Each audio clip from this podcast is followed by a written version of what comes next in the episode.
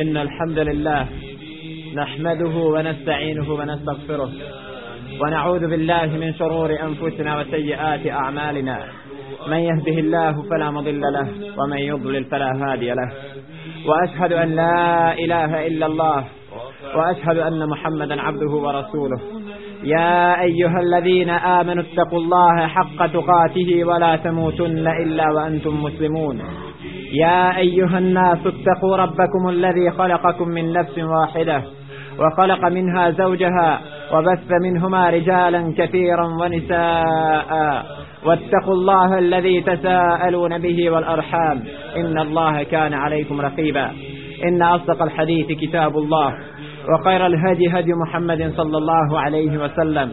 وشر الأمور محدثاتها. وكل محدثة بدعة وكل بدعة ضلالة وكل ضلالة في النار أما بعد Plat djeteta, jauk žene i preplašeno vrijedo lice prestravljenog muškarca, slika su stanja u kojem smo se cijenjena braćo našli prije dva dana.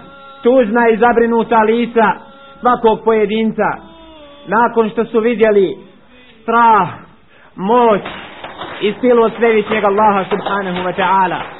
Allah subhanahu wa ta'ala je poslao na nas jedno od svojih stvorenja. Uzvišeni Allah subhanahu wa ta'ala je na nas poslao samo ovolike komade leda. Poslao je svevišnji Allah subhanahu wa ta'ala na nas nešto što je on stvorio. Polupaše se vozila, porazbijaše šofer šajbe, porazbijaše se stakla na kućama, poputaše se krovovi, uništeni poljoprivredni usjevi. Sve je to moć i sila onoga koji nas je stvorio i život u nas udahnuo. I naredio nam, ja ejuhan nas u'budu rabbekum, o ljudi, robujte svome gospodaru. Ja ejuhan ladina amenu teku Allah, ovi koji vjerujete, bojte se Allaha. Uvjeri se svaki čovjek u moć i silu svoga gospodara. Uvjeri se i u to nimalo ne posumnja. I onaj ko nikada ne kaže la ilaha illa Allah, u tom momentu kaže Bože sačuvaj nas. Sačuvaj nas gospodaru naš kad smo u teškim momentima. A kada smo u lijepom i ugodnom životu, onda se svoga gospodara i ne treba baš toliko sjećati. Kako to neki misle i kako to neki i radi. O čovječ, tvoj gospodar poslao ti je još jednu opomenu. Ne bi li se opametio i pouku primio? Zamisli tvoj gospodar te nije uništio. Ostavio te ponovo u životu da njemu robuješ. Zamisli, cijenjeni brate, da je Allah subhanahu wa ta'ala izbrisao ove prostore sa lica zemlje. Je li to on bio moćan? Jeste. Naš gospodar je moćan. Naš gospodar poslao zastrašujući vjetar. Tajfun koji hoda od zemlje do zemlje i ostavlja na hiljade ljudi bez krovova nad glavom. Biva uzrokom desetinama žrtava. To je naš gospodar poslao. U našoj susjednoj zemlji Allah subhanahu wa ta'ala je dao drugu vrstu kazne, a to su požari. Pa provedoše ljeto u gašenju požara.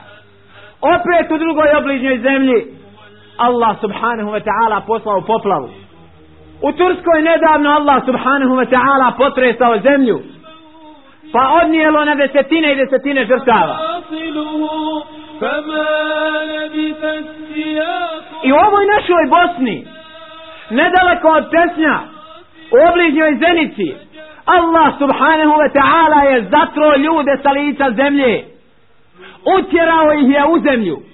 Nestali su sa lica zemlje. Zemlja ih je progutala. To je moć našega gospodara. Utjerao ih je u zemlju. Kao što je utjerao u zemlju Karuna sa njegovom kućom i njegovim pristalicama. Allah subhanahu wa ta'ala danas šalje samo opomene ljudima. Nemojmo zaboraviti da je naš gospodar uništio pokoljenja koja su živjela prije nas sa nekom od ovakvih vrsta kazni. Kaže uzvišeni Allah subhanahu wa ta'ala وكذلك أخذ ربك إذا أخذ القرى وهي ظالمة إن أخذه أليم شديد Eto tako tvoj gospodar kažnjava kad kažnjava sela i gradove koji su nasilje činili on ih kažnjava zaista bolno i strašno kaže Ibn Ketir rahmetullahi alejhi Allah uzvišeni govori kao što smo uništili ove nasilničke narode poslušaj cijenjeni brate. Kao što smo uništili ove nasilničke narode koji su negirali naše poslanike tako ćemo postupiti sa onima koji su im slični. Allah subhanahu wa ta'ala poslao nam je jednu veliku opomenu i ostavio nas je u životu. Pa hoće li biti oni koji će se opametiti i pouku primiti? U dva sahiha se bilježi od Ebu Musa el Eš'ari radijallahu anhu da je Allahu poslanik sallallahu alaihi wa sallam rekao Allah daje nasilniku određeni rok pa kada ga uzme onda mu on ne može umaći. To što Allah subhanahu wa ta'ala nasilniku da da se on određeno vrijeme razbacuje na zemlji, da raskalačeno živi, da se sili i oli, to je sve do određenog roka, ali kada ga Allah subhanahu wa ta'ala kazni, onda mu u istinu ne može umaći. Kao što nije umakao ni faraon i njegove pristalice, kao što nije umakao ni Lutov narod, kao što nije umakao ni Nuhov narod, niti ostala pokoljenja koja je Allah subhanahu wa ta'ala kaznio. Zatim je vjerovjesnik sallallahu alaihi wa sallam proučio wa أَخْذُ رَبِّكَ إِذَا idha الْقُرَى وَهِيَ ظَالِمَةً wa hiya. Eto tako gospodar tvoj kažnjava kad kažnjava sela i gradove koji su nasilje činili. Allah subhanahu wa ta'ala kazni Nuhov narod sveopštim potopom. Poslušaj cijenjeni brate, šta je tvoj gospodar uradio i učinio sa Nuhovim narodom? Pošto je ovo što smo preživjeli svježe i vidjeli smo strah koji se uvukao u naša prsa vidjeli smo blijeda lica i prestravljene face. Pogledaj ovu vrstu kazne koju je Allah poslao na narod koji je živio i hodao po zemlji kao što i mi hodamo. Pa kaže pa petahna ebelabe sema i bima im munhamir. Mi smo kapije nebeske pootvarali vodi koja je neprestano lila to jest mnogo je lila iz nebesa. Wa fajjarna al-arda uyuna. I učinili smo da iz zemlje izvori provru to jest na cijeloj zemlji su izvori provrili. Tako da kaže uzvišeni Allah subhanahu wa ta'ala faltaqa al-ma pa se onda voda sva na jedno mjesto sakupila. Pa su se onda te vode vode iz nebesa i iz zemlje sastale. Zamislite ovu vrstu kazni. Tolika voda lije iz neba, a onda Allah subhanahu wa ta'ala da da ona iz zemlje izvire. I onda se te dvije vrste vode sastanu. Onda nema brda gdje se može pobjeći. Onda nema načina da se čovjek spasi. Pa kaže Nuh alaihi salatu wassalam svome sinu koji ga poziva prihvati se islama odazovi se svome gospodaru pa nećeš doživjeti poniženje na dunjaluku pa kaže ja bunej jerkam ma'ana wala tekum ma'al kafirin o sinčiću moj, hajde ukrcaj se sa nama i ne budi sa narodom nevjernickim. Hajde odazovi se svome gospodaru privati islam, pa se ukrcaj s nama u lađu. Ne ostani sa narodom nevjerničkim. Pa kaže, kale se avi ila djebelin jasimuni minal ma. Ja ću se popet na brdo. Pogledajte kako, silnici opet osjećaju da oni imaju snage i moći iako su vidjeli da je počela dolaziti Allahova kazna. Kale se avi ila džebelin jalsimuni minal ma. Ja ću se popet na brdo pa će me brdo zaštititi vode. Kale la asima ljevum a Nuh mu tada odgovori nema zaštitnika ovoga dana. Nema zaštitnika od kazne ovoga dana i neće biti pošteđen osim onaj. Neće Allahove kazne biti pošteđen osim onaj kome se on smilovao. Samo onaj kome se on smilovao kao je bio mu'min Allah subhanahu wa ta'ala mu se smilovao i spasio ga. Pa je onda jedan val ili taras rastavio Nuha sa njegovim sinom i to je bio kraj. Zamislite prizor voda iz zemlje, voda iz nebesa i čovjek nema više izlaza. Nema čovjek više izlaza. Allah subhanahu wa ta'ala je na takav način kaznio Nuhov narod. Potopljen bi faraon sa svojim pristalicama. Kada je usao u vodu, Allah subhanahu wa ta'ala ga je kaznio potopom. A ko je bio faraon? Vela havla, vela kuvata illa billah. Svi faraoni ovoga ummeta, svi faraoni današnjice neka se osvrnu na slučaj faraona. Faraoni današnjice daleko su manji kada je u pitanju vlast i sila od faraona koji je živio u vrijeme Musa. Šta je ovaj faraon u vrijeme Musa govorio? Ene rabbukumul a'la. On im je govorio, ja sam vaš najveći gospodar. To je bio faraon u vrijeme Musa. Ima faraona i u današnje vrijeme koji govore slično tome. Ali neka pogledaju kako je završio faraon koji je živio u vrijeme Musa. Allah subhanahu wa ta'ala ga ponizio, pa je bio potopljen u vodi. Voda ga utušla, nije mogao isplivati. Iako je znao dobro možda isplivati, ali nije mogao da ispliva. Jer od kazne, od strane Allaha subhanahu wa ta'ala se ne može spasiti osim onaj kome se on uzvišeni smiluje. A hladnim vjetrom, u kome nije bilo nikakva dobra, Allah subhanahu wa ta'ala uništi narod koji se zvao Ad, koji je govorio, pogledajte sile, pogledajte sile šta je čovjek. Men ešeddu minna kuva, ma ima li iko jači i snažniji od nas? Ha? Je li danas ima ljudi koji ovo govori? Vidite koja sila bije iz njega. A miskin ne zna da je jednog dana plako i traži od majčice da ga nahrani. I ne zna da će možda drugog dana nositi sa sobom šćap i klecaće, noge će mu se tres, a štapom neće moći da ostane na svojim nogama. To je čovjek, to je onaj ko danas govori i cili se nad Allahom subhanahu wa ta'ala. أولم يروا أن الله الذي خلقهم هو أشد منهم قوة A zar nisu znali da je Allah koji ih je stvorio jači od njih?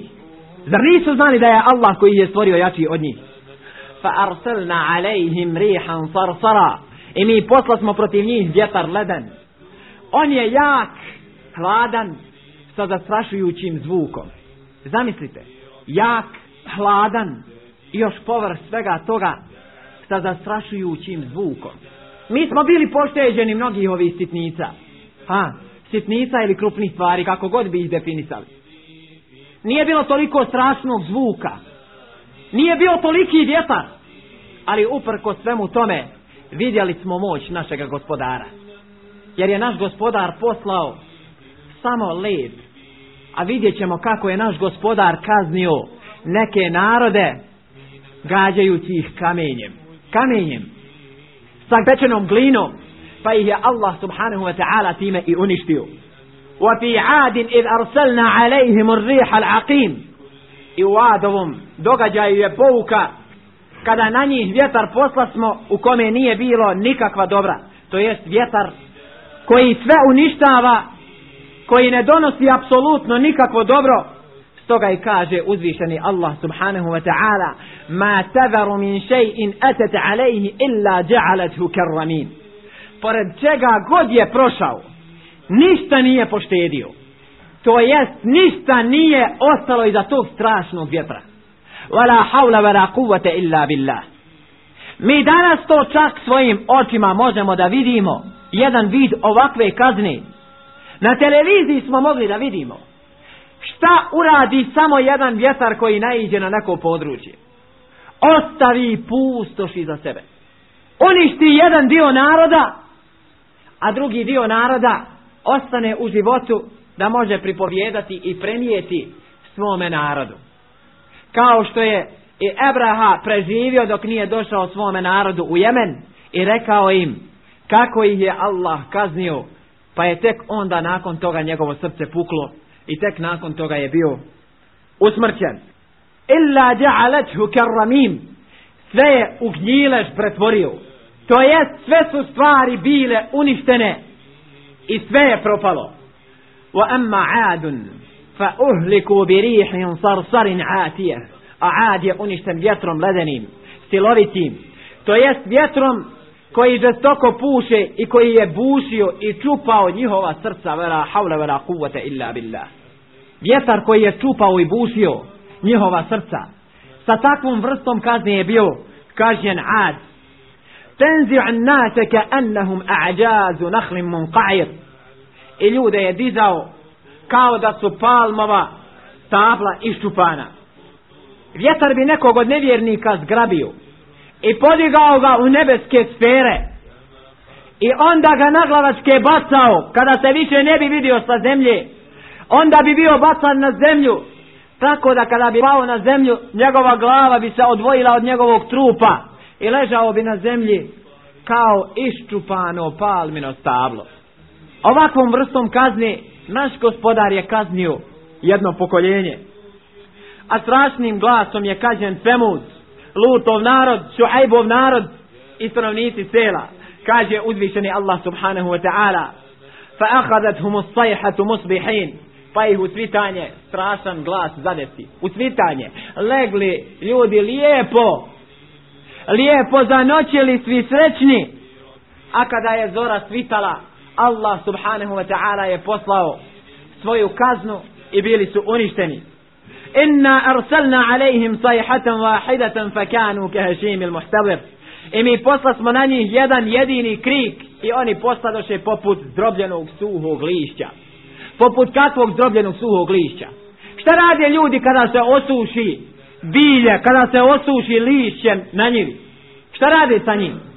Šta rade ljudi u pustinji kada se osuši lišće? Sakupe ga na jedno mjesto i zapale. Nakon Allahove kazne tako su ljudi ostali u takvom stanju. Kao suho lišće. Allah subhanahu wa ta'ala ih je tako kaznio. Kaže uzvišeni Allah subhanahu wa ta'ala fa akadathum as-sayhatu mushriqin. I njih je zadesio strašan glas kada je sunce izlazilo. Wa akhadat alladhina zalemu as-sayhatu fa asbahu fi diyarihim jathimin a one koji su zlo činili pogodio je užasan glas i oni su u zemlji svojoj mrtvi nepomični ostali in kanet illa sajhatan wahidatan fa idha hum khamidun. Samo bi se čuo jedan užasan krik i oni bi odjednom svi pomrli. Wala hawla wala quwwata illa billah.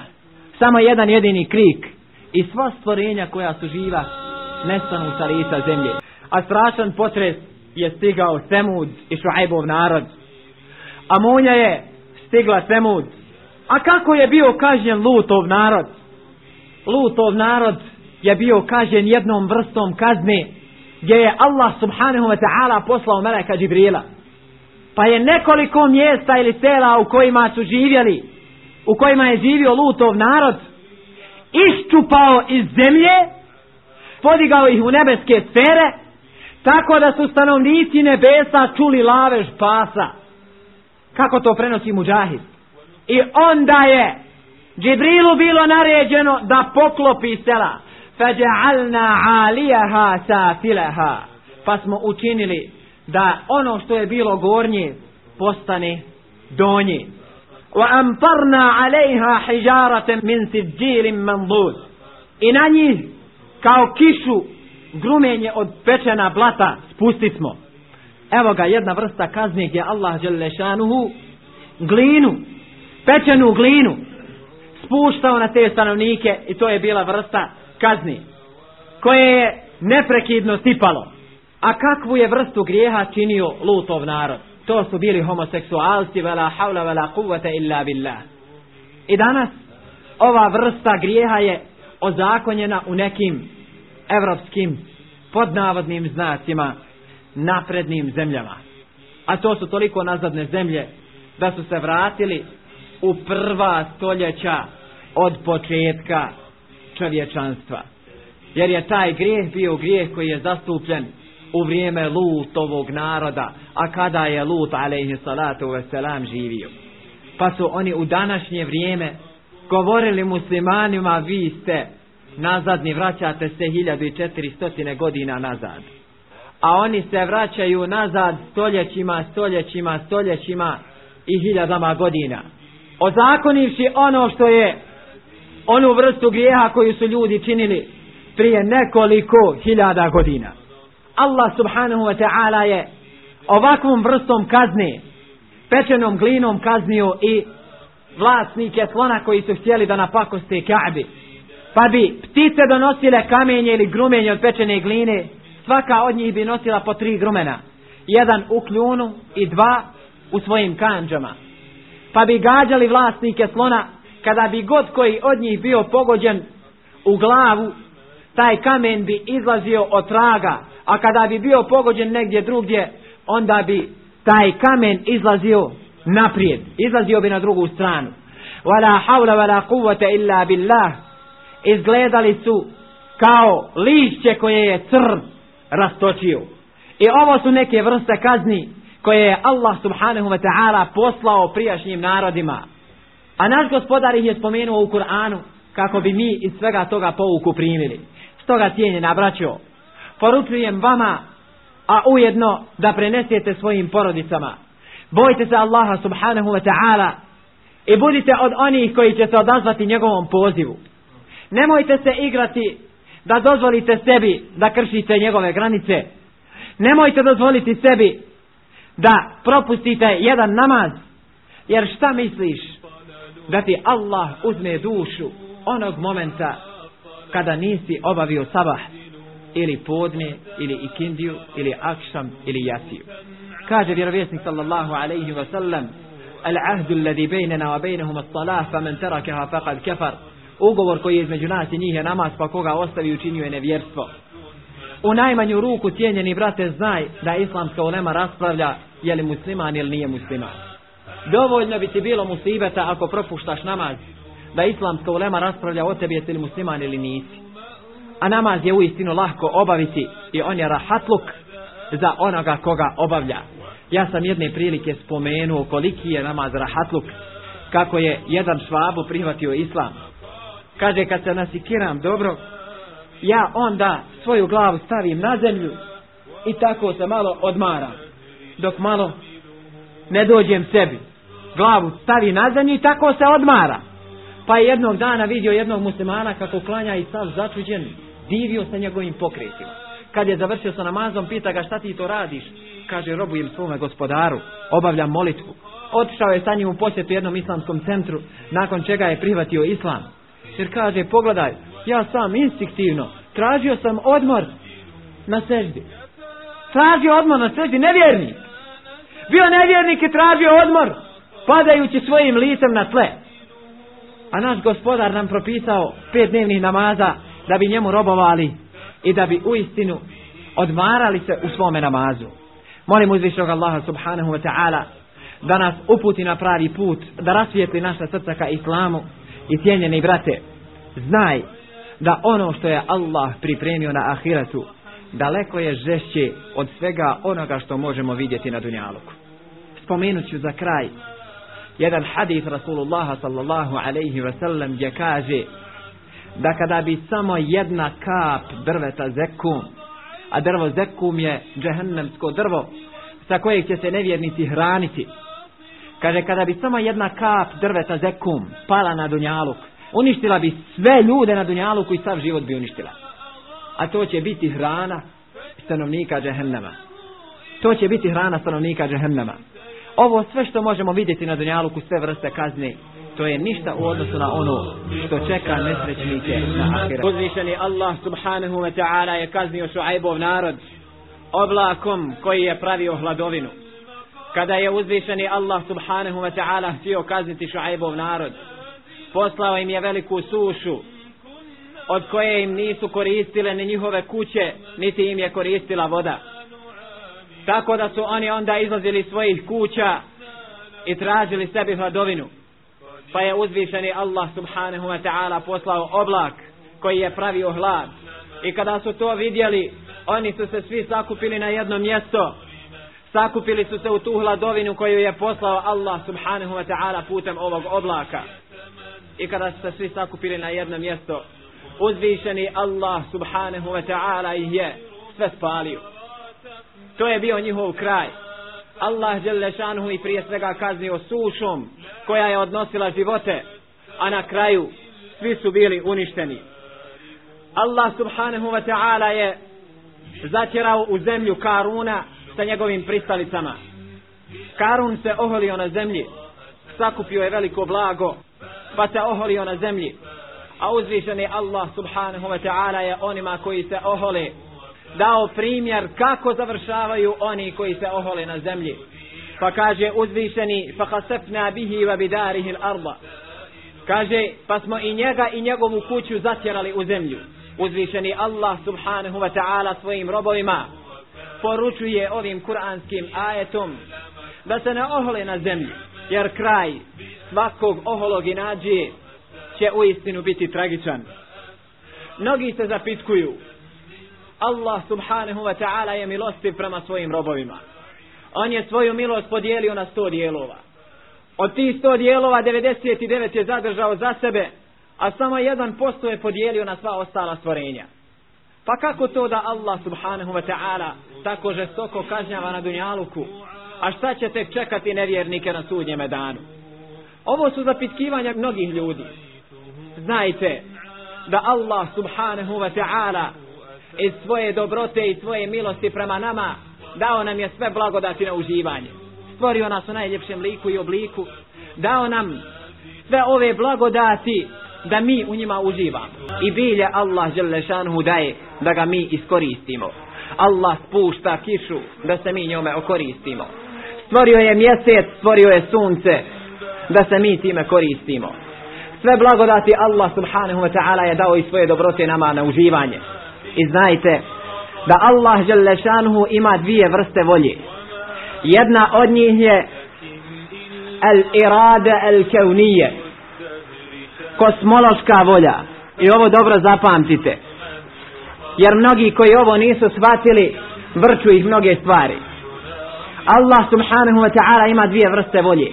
Irade kaunije ili kosmološka volja njegova on je htio da na ovoj zemlji ima i nevjernika i vjernika Allah subhanahu wa ta'ala je htio da na ovoj zemlji ima onih koji će ga veličati i da ima onih koji će biti nevjernici Allah subhanahu wa ta'ala je htio da u ovom pojavnom svijetu imamo alkohol, da imamo drogu, da imamo razvrat, da imamo sve ono što imamo u ovom pojavnom svijetu. I to je njegova kosmološka volja. Da je on htio da se to nalazi u ovom pojavnom svijetu. Ali nakon toga Allah subhanahu wa ta'ala nam je poslao poslanike. O Allahovi robovi, vas gospodar, gospodar sedam nebesa i sedam zemalja, gospodar svega što postoji, je poslao poslanike i poslao knjige. Poslao je uputu čovječanstvu kako trebaju raditi. Iz toga ima njegova druga vrsta volje, to je el irade el šar'ije, njegova šarijatska volja. Allah Đelešanu je tom šarijatskom voljom zabranio svojim robovima da krše njegove granice. Da tako zabranio je svojim robovima da piju alkohol. Zabranio je svojim robovima da se odaju razvratu. Zabranio je svojim robovima da se drogiraju. Zabranio je svojim robovima sve što je zabranio. I to je opet za njihovo dobro. Allah subhanahu wa ta'ala je svojom šerijatskom voljom zabranio nam određene stvari i to je opet za naše dobro. A Allah subhanahu wa ta'ala će kazniti nevjernike. Mnoge je kaznio na dunjaluku, doživjeli su poniženje, a na ahiratu ih čeka nesnosna patnja. To je zbog toga što nisu slušali Allahovu šarijatsku volju što se nisu držali granica koje je postavio uzvišeni Allah subhanahu wa ta'ala. Vjerovatno se pitate, a zašto je Allah kaznio ova prijašnja pokoljenja? Zašto je neke od njih kaznio potopom? Zašto je neke od njih kaznio munjom? Zašto je neke od njih zastrašujućim glasom kaznio? Zašto je neke kaznio zatjerivanjem u zemlju? Zašto je neke kaznio vatrom? I tako dalje, i tako dalje. Ima dosta uzroka zbog kojih je Allah subhanahu wa ta'ala kažnjavao prvi od tih uzroka i zapamtite jeste širk Allahu subhanahu wa ta'ala ovo je najveći uzročnik nesreće ljudi na dunjalu koji na ahiretu širk Allahu subhanahu wa ta'ala veliki broj ovih pokoljenja jeste činio širka Allahu subhanahu wa ta'ala pa ih je Allah zbog toga kaznio zapamtite početak svih musibeta na dunjaluku početak svih musibeta za čovjeka i na Dunjaluku i na ahiretu jeste širka Allahu subhanahu wa ta'ala. A šta je to širka Allahu subhanahu wa ta'ala? Šta je srž širka? pripisivanja Allahu subhanahu wa ta'ala druga. Mnogi čujete, svakodnevno se ponavlja, nemoj činiti širk Allahu Đelešanu, nemoj činiti širk Allahu Đelešanu, nemoj činiti širk Allahu Đelešanu. A svaki dan možda po nekoliko puta učinite širka širk Allahu subhanahu wa ta'ala da čovjek i ne zna da je učinio širk Allahu Đelešanu. Kada se širk pojavio, Allah subhanahu wa ta'ala je poslao Adama alaihi salatu wassalam sa čistim tevhidom i čistom vjerom u Allaha Đelešanuhu. Zapamtite, osnova u čovječanstvu je vjera u jednog jedinog Allaha subhanahu wa ta'ala.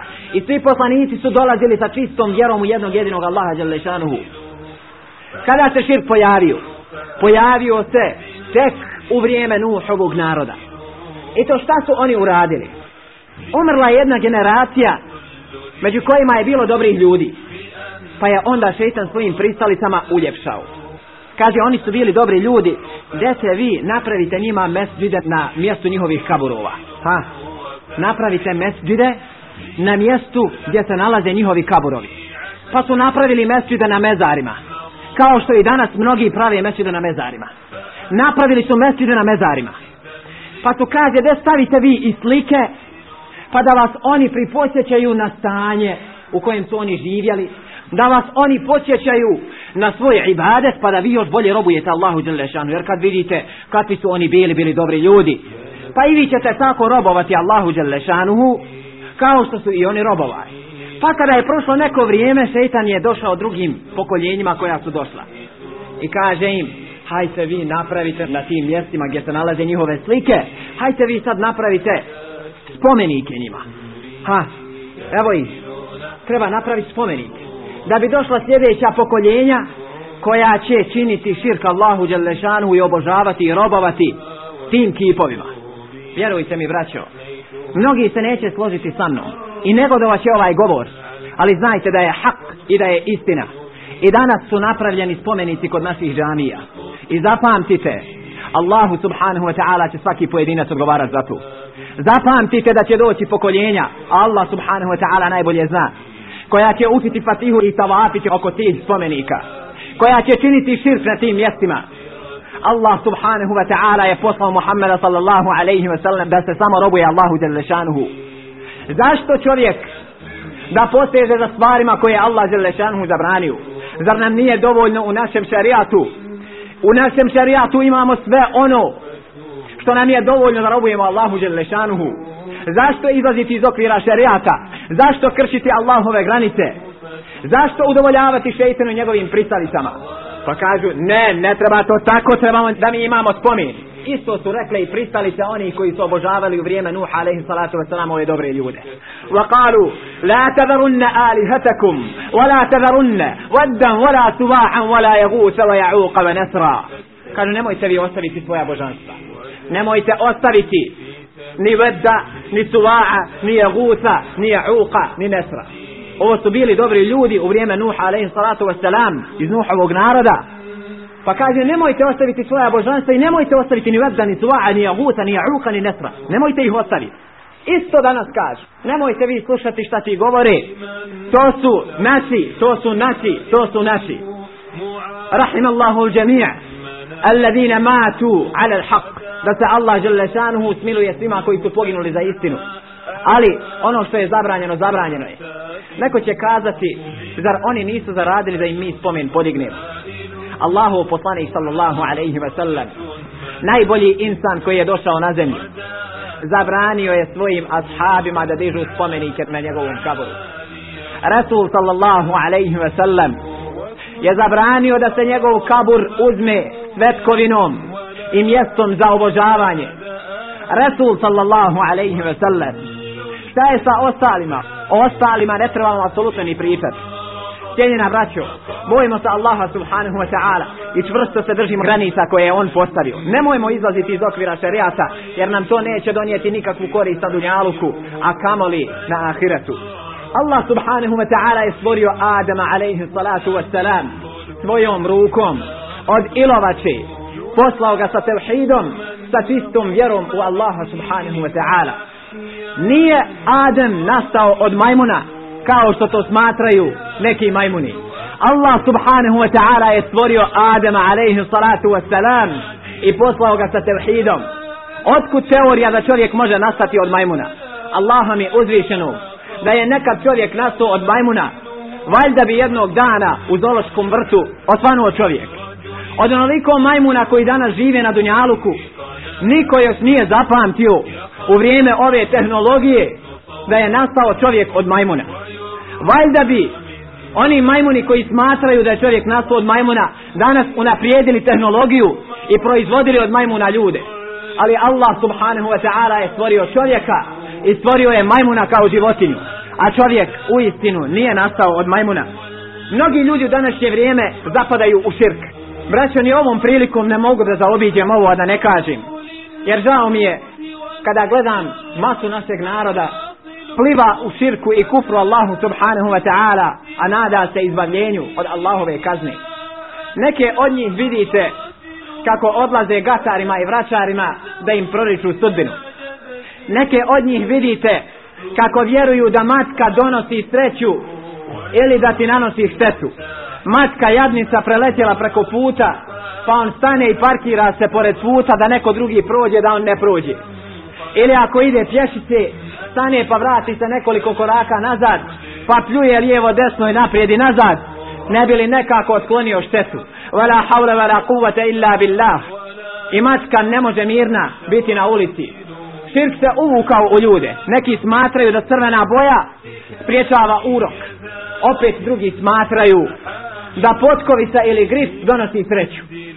Pa ih kuju po svojim kućama, po svojim vratima, po svojim štalama, po svojim vozilima i na ostala mjesta ih stavljaju. Vala haura vala kuvata illa billah. O Allahu robe imaš li pamet? Je li ti Allah podario pamet? Jesi li vidio da su kovači najsrećniji ljudi? Valjda bi oni bili srećni od onih koji nose jednu potkovicu jer se u njihovim kovacicama nalazi na desetine i desetine potkovica. Valjda bi konji bili srećni od ovih koji hodaju na dvije noge da potkovica donosi sreću. Allah subhanahu wa ta'ala je dao sreću u tevhidu. Zapamtite, sreća je u tevhidu. U robovanju Allahu subhanahu wa ta'ala. Ko želi istinsku sreću, zapamtite, neće je naći mimo vjere u Allaha zelešanuhu. Ne treba ići lutati. Kao što niko od nas, kada hoće da kupi lijekove, neće otići u željezaru i tražiti lijekove nego će otići u apoteku i tražiti lijekove. Tražimo sreću na mjestu gdje je ona, a ona je istinski u vjeri u Allaha subhanahu wa ta'ala. Što više budeš robava Allahu dželešanuhu, sve ćeš sreću sreću osjećati i sve ćeš srećni biti na dunjaluku. A naravno, zato ćeš biti nagrađen i na ahiretu. Neki su sebi uzeli za pravo da ispunjavaju želje ljudima. Pa su oni miskini otvorili svoje kovčege i svoje kofere koje imaju po svojim kućama, čekajući da im neko dođe i kaže svoju želju pa kada im kaže svoju želju strpaju u te svoje korčege i onda odlaze ajva zedi u neke podzemne hodnike i sobe da im ajva zedo ispunjava želje. Wala havla wala kuvata illa billah. Ovo nema ni u ruskim bajkama a kamali u stvarnosti. Allah subhanahu wa ta'ala je taj koji uslišava dole svojim robovima. Allahov robe digni ruke Allahu djelešanuhu digni ruke onome koji vrata svoja ne zatvara digni ruke onome koji traži onoga ko se kaje. Digni ruke onome koji ne odbija dovu svoga roba. Zašto tražiti želju? Zašto tražiti pomoć od onih koji ni sami sebi pomoći ne mogu? Opet neki jedva čekaju da iziđe časopis da mogu pročitati šta će biti za raka šta će biti za skorpiju šta će biti za bika šta će biti za ovna i šta će biti za ostale životinje jedva čekaju da iziđe horoskop pa da pročitaju šta će im se desiti u narednoj hefti. Vala haula vala kuvata illa billah. Braćo, pa zar insan u istinu može do te mjere otići u dalale? Zar u istinu onaj kome je Allah dao pamet može vjerovati onome koje je sastavio onaj horoskop? Zar u istinu onaj čovjek koji u to povjeruje? Zar u istinu on ima pamet? Cijenjena braćo, ne treba ti niko kazati da ćeš se posvađati sa svojom ženom ko što to napiše u horoskopu, posvađat ćeš se sa svojom simpatijom. Posvađat ćeš se sa svojim partnerom. Da ćeš se posvađati sa svojom ženom, ne treba ti niko govoriti. Zato što se ljudi obično svađaju sa svojim ženom. Obično ima neke prepirke, neke rasprave i na kraju kada sve će se dobro završiti. Neko će ti doći, neko će ti otići. Allaha mi uvijek će neko dolazi i neko odlazi. Zadesit će te nešto srećno. On čitavo vrijeme samo čeka šta će ga nešto srećno pogoditi. Čim ga pogodi, evo ga kaže je pogodilo zadesit ćete nešto nesrećno, on njemu vjeruje kad mu kaže, zašto, brate mili, zar nije tvoja svakodnevnica, da se pogodi nešto lijepo, da se pogodi nešto ružno. to je tvoja svakodnevnica. Nemoj dozvoliti da se neko igra sa tvojim mozgom. Nemoj dozvoliti da neko drugi manipuliše sa tvojim mozgom. O Allahov robe, robuj svome gospodaru, a nemoj robovati onima koji izmišljaju i proriču sudbinu. Znaj da je istinska sreća u robovanju samo uzvišenom Allahu subhanahu wa ta'ala. Neki pak vjeruju da im sreću može donijeti zvijezda ili mjesec ili neka druga planeta u ovom kosmos. A opet ima i oni koji vjeruju onima koji razbacuju grah. Pa koliko žena prljakne grah, toliko ćeš imati sreće ili nesreće.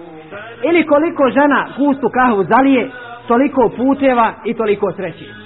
Braćo, upozoravajte svoje supruge, svoje majke i svoje komšije i komšinice da se okanu gatanja, kaže vjerovjesnik sallallahu alaihi wa sallam u jednom hadisu koga prenosi Abu Musa radijallahu anhu da je rekao je Rasulullah sallallahu alaihi wa sallam troje neće ući u džennet, poslušajte ih.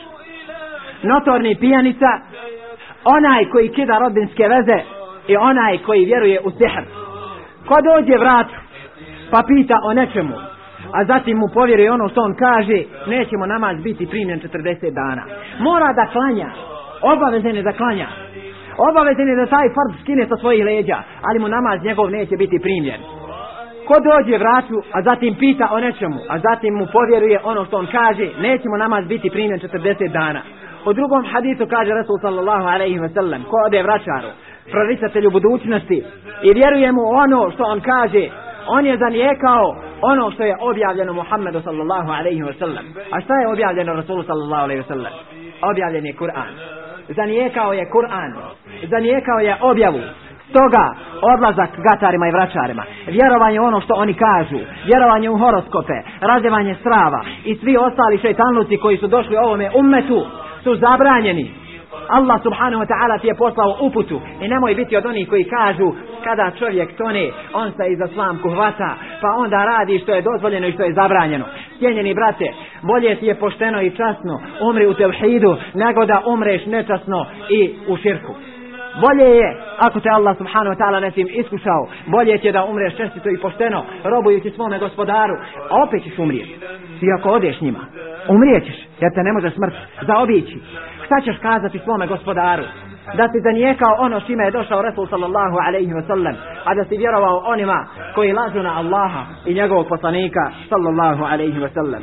Kaže Resul sallallahu alaihi wa sallam u još hadithu, nije od nas onaj ko čita sudbinu, ili mu se čita sudbina, ko gata, ili mu se gata, pravi sihr, ili se za njega pravi. Onaj ko dođe vraćaru i povjeruje mu ono što on kaže, zanijekao je ono što je objavljeno Muhammedu sallallahu alaihi wa sallam.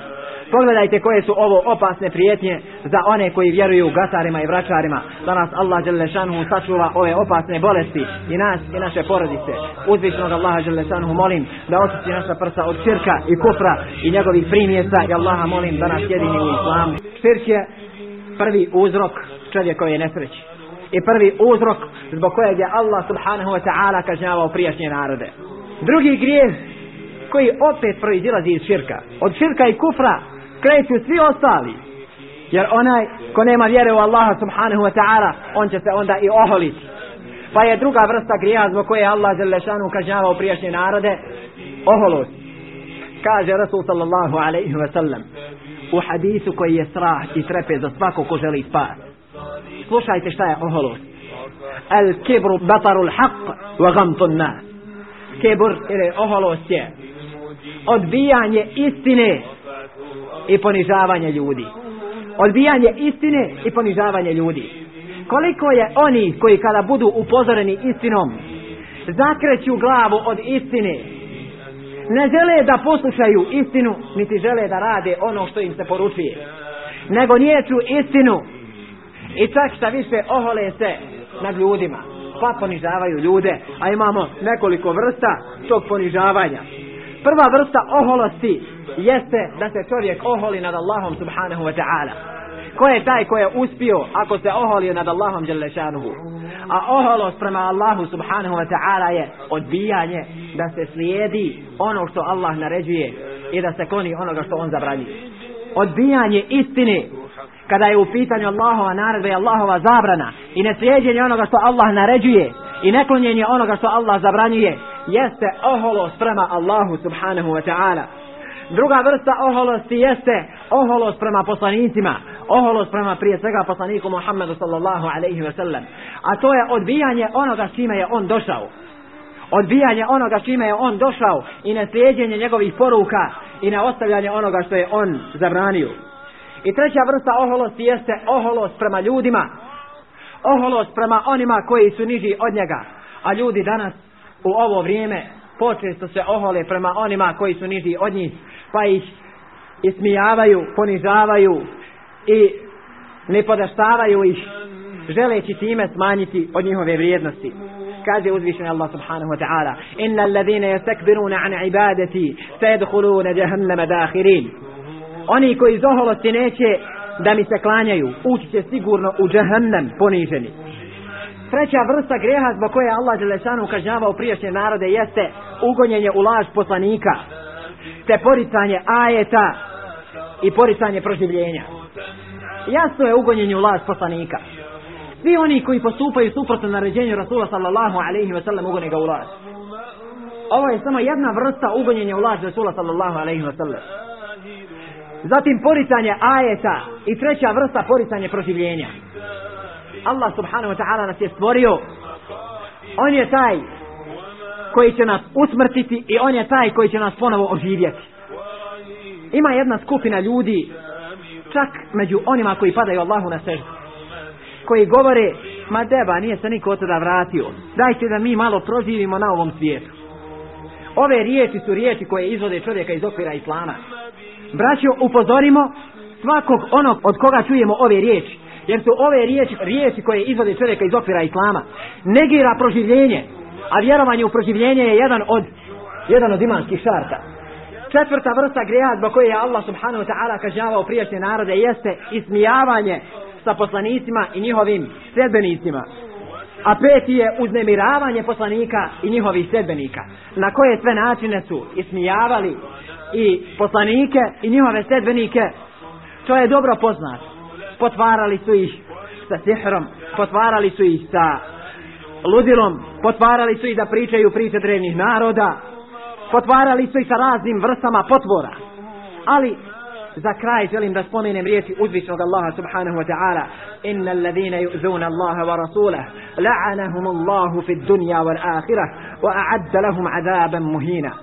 Oni koji ezijete koji uznemiravaju Allaha i njegovog poslanika Allah dželle šanuhu će ih prokleti u životu na ovom svijetu i na ahiratu a pripremit će im patnju sramnu. Allah subhanahu wa ta'ala će im pripremiti sramnu patnju. Man aada li valijan faqad adantuhu bil harb. Ko zemiri moga velija kako to kaže Allah subhanahu wa ta'ala u hadithi kusi ja sam mu objavio rat faqad adantuhu bil harb. Niko neće uspjeti ko bude uznemiravao Allaha i njegovog poslanika sallallahu alaihi wa sallam. Stoga cijenjena braćo dobro povedimo računa o svojim jezicima. imam običaj kazat ako ne znaš pametno pričat znaš onda bar pametno šutit onda znaš bar pametno šutit ne vrijeđaj Allaha i njegovog Rasula sallallahu alaihi ve sellem. ne vrijeđaj one koji padaju Allahu na seždu boj se uzvišnog Allaha želešanuhu istinskom bogobojaznošću i ne umiri nikako drugačije osim kao musliman. Ono što ste čuli prenesite svojim porodicama i svojoj rodbini. To je emanet na vašim leđima. I vi ćete biti pitani za sebe i za svoje porodice jer vam kaže vaš gospodar ja i ladina amanu ku anfusakum wa ahlikum naron wa quduha an-nas hijjara. ovi koji vjerujete bojte se Allaha dželle čuvajte sebe i svoje porodice od vatre čije će gorivo biti ljudi i kamenje. Stoga bojimo se uzvišnog Allaha Đelešanuhu i pripremajmo se za dan obračuna. Pripremajmo se za dan u kojem ćemo biti vraćeni pred Allaha subhanahu wa ta'ala.